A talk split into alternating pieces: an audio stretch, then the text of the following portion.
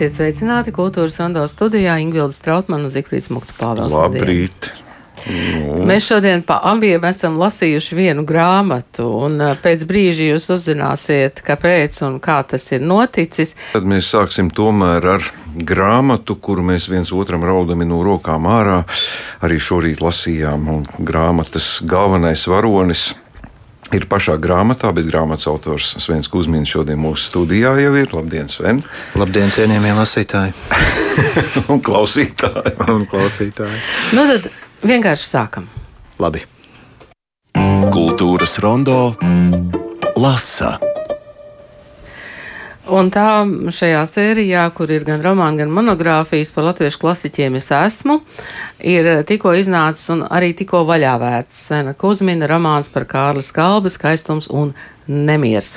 Sven, mēs tev pilnīgi godīgi parādījām, cik tālu mēs paspējām izlasīt, un, un es domāju, ka autoram varētu būt patīkami, ja žurnālists saka, bet es noteikti lasīšu vēl līdz galam to grāmatu, vai ne? Tas ir labi, jā.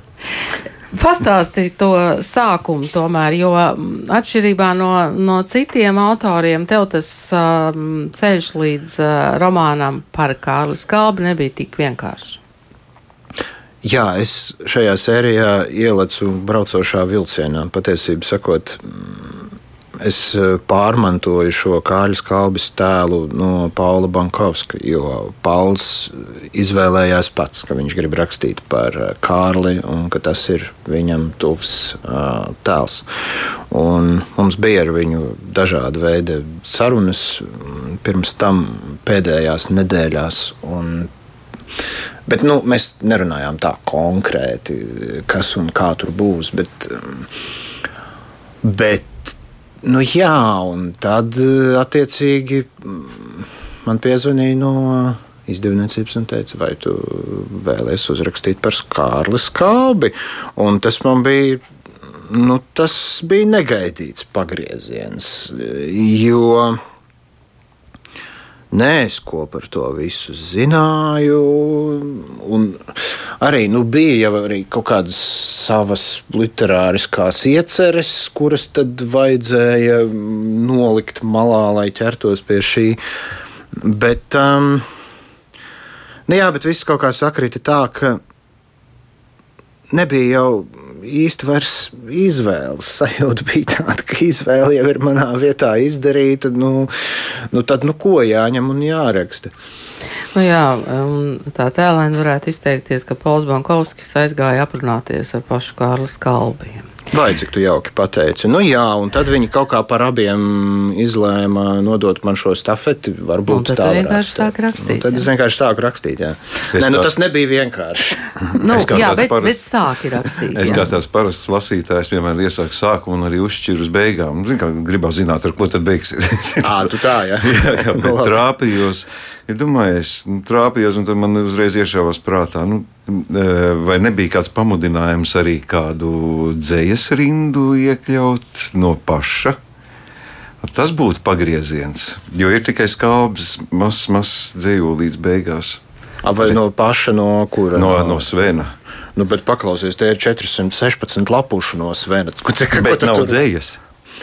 Ir, Starp citu, starp citu ir, dzēja, tur ir um, atsevišķas daļas, kuras ir um, rakstītas prozas Zej veidā, bet pantmērā. Jā. Jā. Tur à, ir nu, tādas lietas. Tāda lieta jā. vēl arī, ko, ko es nezinu. Kaut kur tur pa vidu tas ir. Jā. Bet, bet to, to var nepamanīt, bet tas tur ir. Nu, labi, par struktūru. Jā. Četras daļas, no kurām ceturtā ir tā piektā. Jā, un pirmā nav daļa.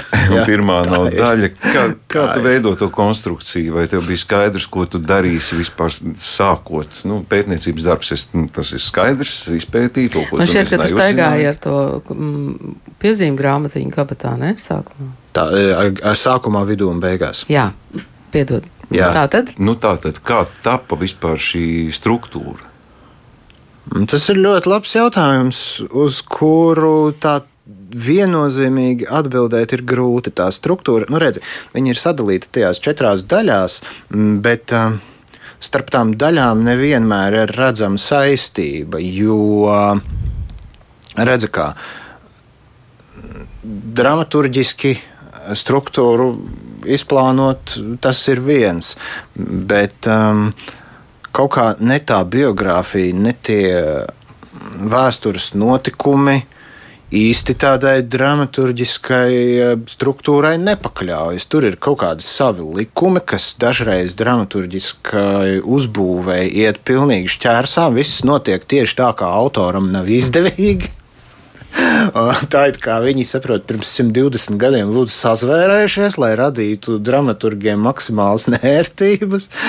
Tāpēc tā struktūra ir ļoti pielāgota notikumiem, nevis otrādi. Un līdz ar to nu, arī tā nēsošā pirmā daļa, un pēc tam pēkšņi no kaut kurienes parādās otrā, nu, tie ir arī tādi gājieni, kas pirmkārt pašam Kārlim arī nebija sveši, un otrkārt jo viņš arī mēdz rakstīt tā fragmentāri, saliekot kopā kaut kādas lietas, pēkšņi, kas nemaz nebija paredzētas kopā salikšanai un tam līdzīgi. Un eh, kaut kādā ziņā tā. Tā nestandarta mm, struktūra arī iezīmē situāciju, mm, bet man bija doma, ka nu, kā tie notikumi izsit cilvēku no ierindas. Tāpat gribējās arī, nu, lai tā uzbūve mazliet izsit cilvēku no ierindas. Tu domā, ka tev ir kaut kāda viena romāna struktūra, un pēkšņi kaut kas notiek, un tev vienkārši izrauj pamatu. No kājas apakšas. Cita, ja? Jā, un, un tu domā, pagaidi, bet tā taču nevar. Nu, jā, nevar, bet tā tas ir. Un, uh, nu, šo, šo, jā, šo es arī, protams, mēģināju neatstāt bez ievērības šo apstākļu. Bet eh, nu, tā pilnīgi, ja skatāmies pēc vēsturiskiem notikumiem, kas izrauj to, to pamatu no kāja pakšas, tie ir kari, revolūcijas. Nu, jā, kas tik tur viss? Nu, laika periods. Tam arī tika kaut kāds lēmums tika pieņemts. Nu, es izvēlos šādu, vai tas ir Kāpēc? Es vispār gribēju sākumā tikai vienu gadu. Es gribēju tikai 1905. gadu. Un patiesībā viss sākās no Kārļa Kalbas izdotā un rediģētā žurnāla Kāvi. Un, um, kaut kā es tik ļoti ieinteresējos par to pagrīdes un nepagrīdes uh, presi. Uh, tas dažādās interesantās sarunās mēs uh, nonācām pie tā, ka nu, šis ir labs periods, šis ir interesants periods. Un, mm, arī maz aprakstīts. Kārļa dzīvē ļoti maz izpētīts. Un, tad nu, tā interese sākās ar to. Nu, un tad, protams, sanāca, ka nu, jā, nevar bez priekšvēstures šim notikumam, bet priekšvēsturē ir sava priekšvēsture, un visam ir kaut kādi savi cēloņi. Tā nu es centos maksimāli, maksimāli ierobežot. Sanāca desmit gadi viena vietā. Bet, respektīvi, tu sāki ar beigām, tad, tad būtu. Nu, rakstīt, taču man šķiet, tas nu, ir nereāli. es, sāku, es sāku pētīt ar beigām, bet rakstīt es sāku ar sākumu. Tu teici, sarunas, sarunas ar ko tad tev bija? Galvenā pati eh, pirmā saruna man bija ar eh, Gunu Zelmeni ar slaveno Rīgas bukinisti no grāmatu antikvariāta Gunas grāmatas. Mēs tur sēdējām starp vecām grāmatām un skatījāmies tos žurnālus. Un, Tas bija tas viens no pirmajiem atspērienu punktiem, kad es sapratu, ka nu, vajag veltīt uzmanību tiem agrajiem gadiem. Viena no lietām, kas man vēl tagad klausoties, ko tu stāsti, nāk prātā, ka varbūt šis ir arī tas laika, tas attiecās to laika periodu, ka kā, nu, katra mūsdienu rakstnieka sapnis varētu būt, es esmu pagrīdes rakstnieks, pagrīdes notikumu līdzautors, cenzūra, aizliegums. Tas jā, ir tāds milzīgs jā. vilinājums. Bija, bija, bija, bija. Ne, nu, tajā laikā katrā ziņā. Bet tagad to, diemžēl, ir lieta. grūti izbaudīt. Nu, kā nu kur? Hmm. Kā nu kur. Tad tas sākums ir, kad Kārlis Skalbe vēl nav ne dzēnieks, ne rakstnieks, ne pasaku tēvs, bet viņš ir viens parasts jauns cilvēks, kurš mēģina rakstīt, mēģina piedāvāt savus darbus publikai nolasot vienkārši vai aizsūtot uz kādu avīzi un mēģina pelnīt naudu vispirms mēģinot pārdot grāmatas, un, un tad par skrīveri. Nu, Tā varētu raksturot to. Kārli sākumā. Ja? Nu, tie ir tie jā, pirmie soļi, pabeidzot skolu. Uh, Es varu atklāt eh, klausītājiem šajā brīdī, nevis lasītājiem, ka Svens ir atvēris grāmatu kaut kur pa vidu, un Jā. mums ir solīts, ka mēs varēsim dzirdēt kādu fragment, vai to varam darīt tagad, vai būtu nepieciešams komentārs, kāpēc pa vidu, kāpēc nav tie pirmie soļi. Komentārs ir tāds, ka vakar grāmatas atvēršanā es nebiju izdomājis, kuru daļu lasīt, un tad es šķīru grāmatu un teicu, nu, sakiet, stop. Un grāmatas lieliskā redaktore Glundega Blūmberga pateica stop tieši tajā vietā, kurā vajadzēja.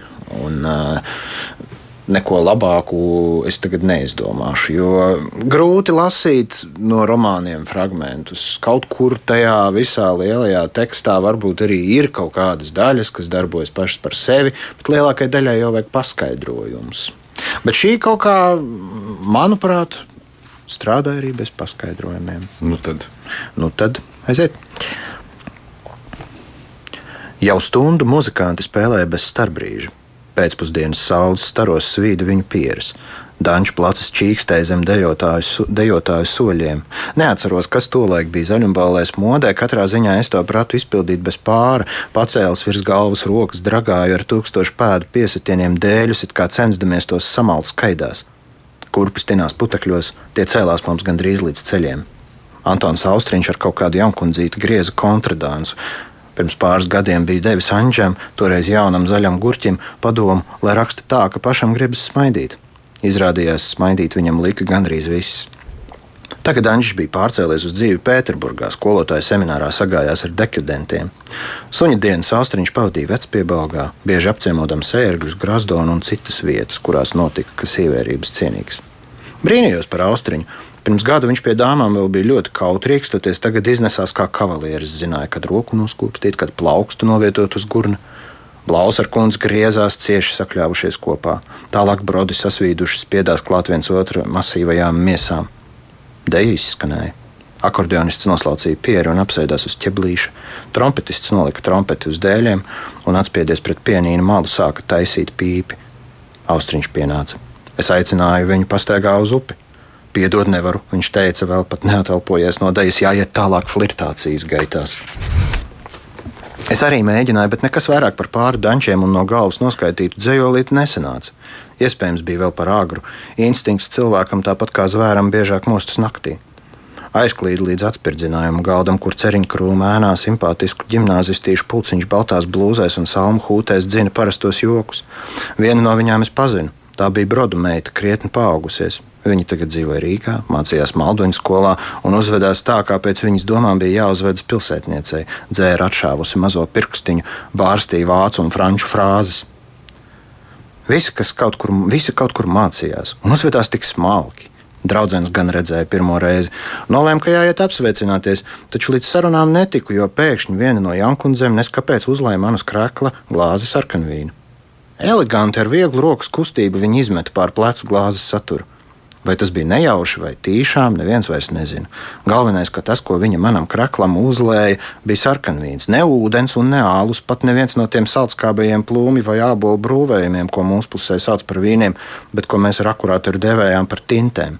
Nē, viņa uzlēja man glāzi visīstākā sarkanvīna, kurš izplūda pa balto kokvi un kā šautu brūci. Es notvēru viņas skatienu, viņai bija skaistas acis, zaļas kā sūna. Pagriezos un devos prom, lai iejuktu ballētāju pulkā, taču nevarēju vairs viņu izdabūt no prāta. Pirms dažām nedēļām biju aizbraucis uz Rīgu, kur māmuļas namā notika zinību komisijas vasaras sapulces. Divas grāmatas tolaik satrauca manu prātu.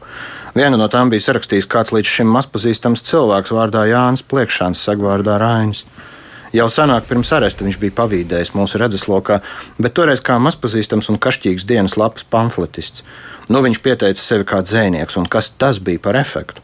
Daudz sākumā pat nesaistīja pārāk izaicinošo avīzes pliekšānu ar to izsmalcināto jutīgo raini, kurš savā tālās noskaņās, skaidros vārdos izteica tieši tādu garu un saprātu brīvību, pēc kādas mēs katrs salkām. Otra grāmata bija Andrieva Niedras zemnieka dēls. Andrievs bija pievērš, pievērsies Eiropā un Skandināvijā populārajam literārās pasakas virzienam. Viņš centās izmantot klasiskās varoņteikas struktūru, lai sludinātu savus uzskatus. Tas Niedram padavās labi, taču pasakā trūka galvenā - brīnuma, plašuma un atklājuma sajūtas. Man gribējās to pateikt Niedram. Starbrīdī uzmeklēju viņu biljardu zālē. Kopš mūsu pēdējās tikšanās viņš bija mainījies. Varbūt tie bija jaunie vizītsvārki un melnais tauriņš, kas lika viņam izlikt, izslieties taisnāk un skatīties uz visiem kā no augšas. Varbūt pie vainas bija tas, ka nopircis no Ozola žurnāla austrums, viņš jutās pār mums, juta pār mums visiem ietekmi. Nezinu. Tā vai citādi, jaunais niedras tēls bija vēss un nepieejams un izturējās tā, it kā viņam būtu kauns ar mani sarunāties. Uz iebildumiem, ka zemnieka dēls nav vispasaka, bet gan pamācoša fabula, viņš negribīgi atteica: Tad kas jums traucē rakstīt tā, kā uzskatāt par pareizu? Kaudzīts Macīs tajā dienā nolasīja referātu. Pievērsiet uzmanību, dāmas un kungi, viņš teica, ka Niedra tēlo īstu studentu ar vīna pudeli rokā. Un tiešām tas jau arī ir raksturiski. Mums, latviešiem, īsts students bez pudeles nav domājams, un zīmīgi, ka šī pudele, kas nešķirami pieder pie studioza tēla, ir tieši vīna pudele un vairs ne ālus kā ālus kausi jēkaba laikos. Jā, mēs, latvieši, esam civilizācijā uz priekšu gājuši. Mēs piedaram Eiropas kultūrai, un varbūt tieši niedras vīna pudele ir šīs piederības simbols. Un nu, Divas nedēļas vēlāk šī noslēpumainā gimnāziste uzrādījās kā no nekurienes un iesvaidīja mani ar Eiropas asinīm. Svens Kusmins, rakstnieks, lasīja fragment no romāna Skaistums un Nemieris. Man pilnīgi noteikti uzreiz jāsaka, kāpēc tu teici, ka tā ir īstā vieta, kur trāpīt? Ku, nu, tu teici, ka vakarā bija tā stop. Nu, zīmīgi, laikam, kaut kas vakar notiek, es lasīju, ka, vakar es lasīju um, garāku fragmentu. Jā, jā. Tur, tur, tur, tur, tur bija, mm, nu jā, tur, tur bija, tur tālāk tam visam bija mm, attīstība. Mm -hmm. Bet, nu, jā, ikvienam ir iespēja izlasīt un uzzināt, nu, kāds Austriņš, Andrijs Niedra, akurāters, kas vēl parādījās šajā fragmentā. Tur Bet, nenormāli daudz tēlu vienās. Nenormāli daudz tur ir sanākuši vienā telpā, bet Blaumans ar tev parādās diezgan daudz. Vismaz cik jā. tālu es izlasīju, tur Blaumans ir diezgan daudz. Un beigās arī, starp citu. Un beigās Blau, arī Blaumans, jā, jā pareizi. Tur visur ir Blaumans, jā, Blaumans ir ļoti svarīga persona šajā grāmatā. Un arī Kārlis Kalbas dzīvē. Saprot, Bet, protams, jā, jā, jā, jā, jā, jā. Nu, tas ir tāds. Pats viņš dēvēja Blaumani par savu literāro krustēvu. Mhm. Man jāatzīstas, ka mēs esam runājuši diezgan ar daudziem mūsu laika autoriem, kas ir līdzdalīgi sērijā. Es esmu, un es noklausījos tevis teikto intervijā Latvijas televīzijā, un tu minēji rakstības paņēmienus, ko tu tā kā esi atklājis, vai atradis, vai pielietojis no Kārļa skalbes, varam domāt, ka Svens Kusmins nedaudz mainīsies pēc šī romāna arī bez skalbes klātbūtnes. Nu, mainās jau pēc jebkura lielāka darba, jo ļoti daudz ko sanāk iegūt pa ceļam. Un, uh, Es nezinu, vai pēc. Noteikti vajadzēja ļoti izteikti mainīties darba laikā. Jā, nu, tur, tur vajadzēja pilnībā atmest visu sev ierasto un zināmo. Jā, nu, no tāda viedokļa. Nezinu, nezinu Zigfrīd. Bet ir kaut kāds atklājums, ko tu, tu, tu atklāji. Oh, kā viņš to darīja, tas ir kaut kas.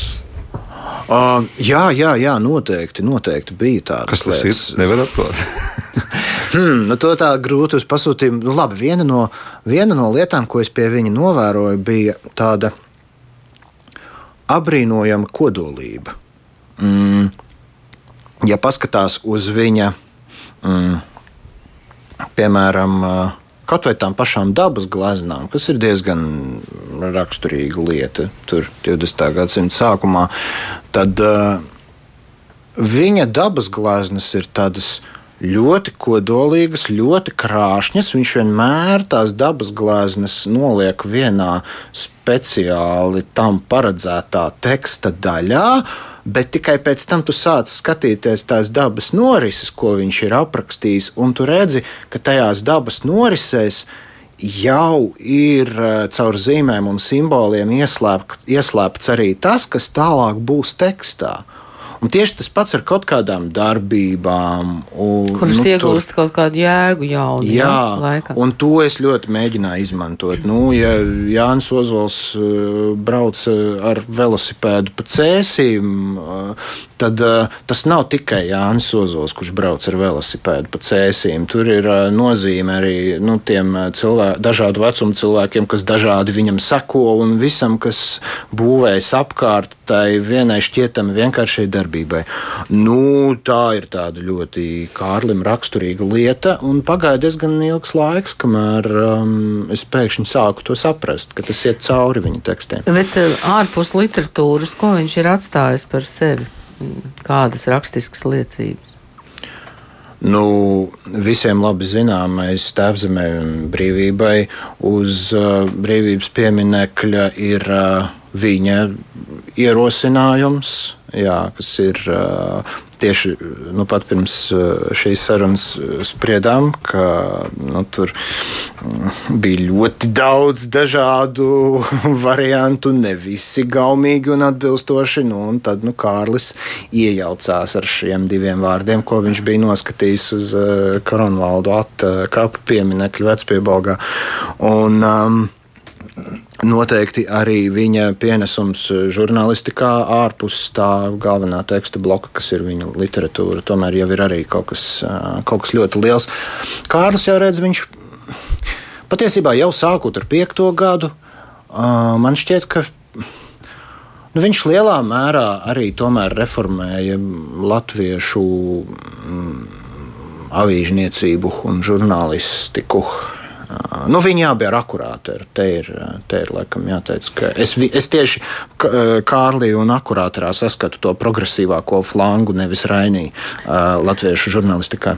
Un šajā brīdī man šķiet, ka mums jāsaka Svenam paldies. Mēs turpināsim lasīt, un, un Svenam Kuzminam droši vien būs priekšā um, dažādas tikšanās ar lasītājiem, kuri gan būs sākuši, gan nebūs sākuši, gan būs izlasījuši grāmatu par Kārlu Skalbi. Skaistums Es un tikai iedomājos, vien- vienu sekundi, vēl mazo rekomendāciju.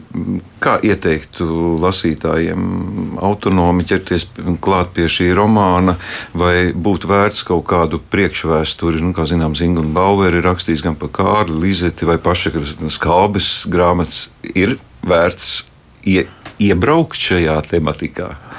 Va, eh, tas ir vēlams, bet tas nav nepieciešams. Es eh, mēģināju rakstīt tā, lai jau no paša sākuma varētu mm, lasīt ar eh, nulles zināšanām un pakāpeniski tās iegūt. Jo mm, nu, tur arī tā secība, kā es pats visu sāku saprast, arī sakrīt ar to, izvēle, kas- tad varat gan Jā, jā, jā. iebraukt, vai, vai arī pēc. Gan tā. Tad, Nu, agrāk vai vēlāk tos kārļu darbus būs jāizsaka. kur tad tur jau nav kur likt? Paldies Svenam Kuzminam, kurš šodien bija studijā, starp citu par to, ko tu pieminēji. Nu. Man vienmēr nodarbina tas, ka Jānis Akurāters ir bijis Latvijas radio direktors. Tā bija gan jā.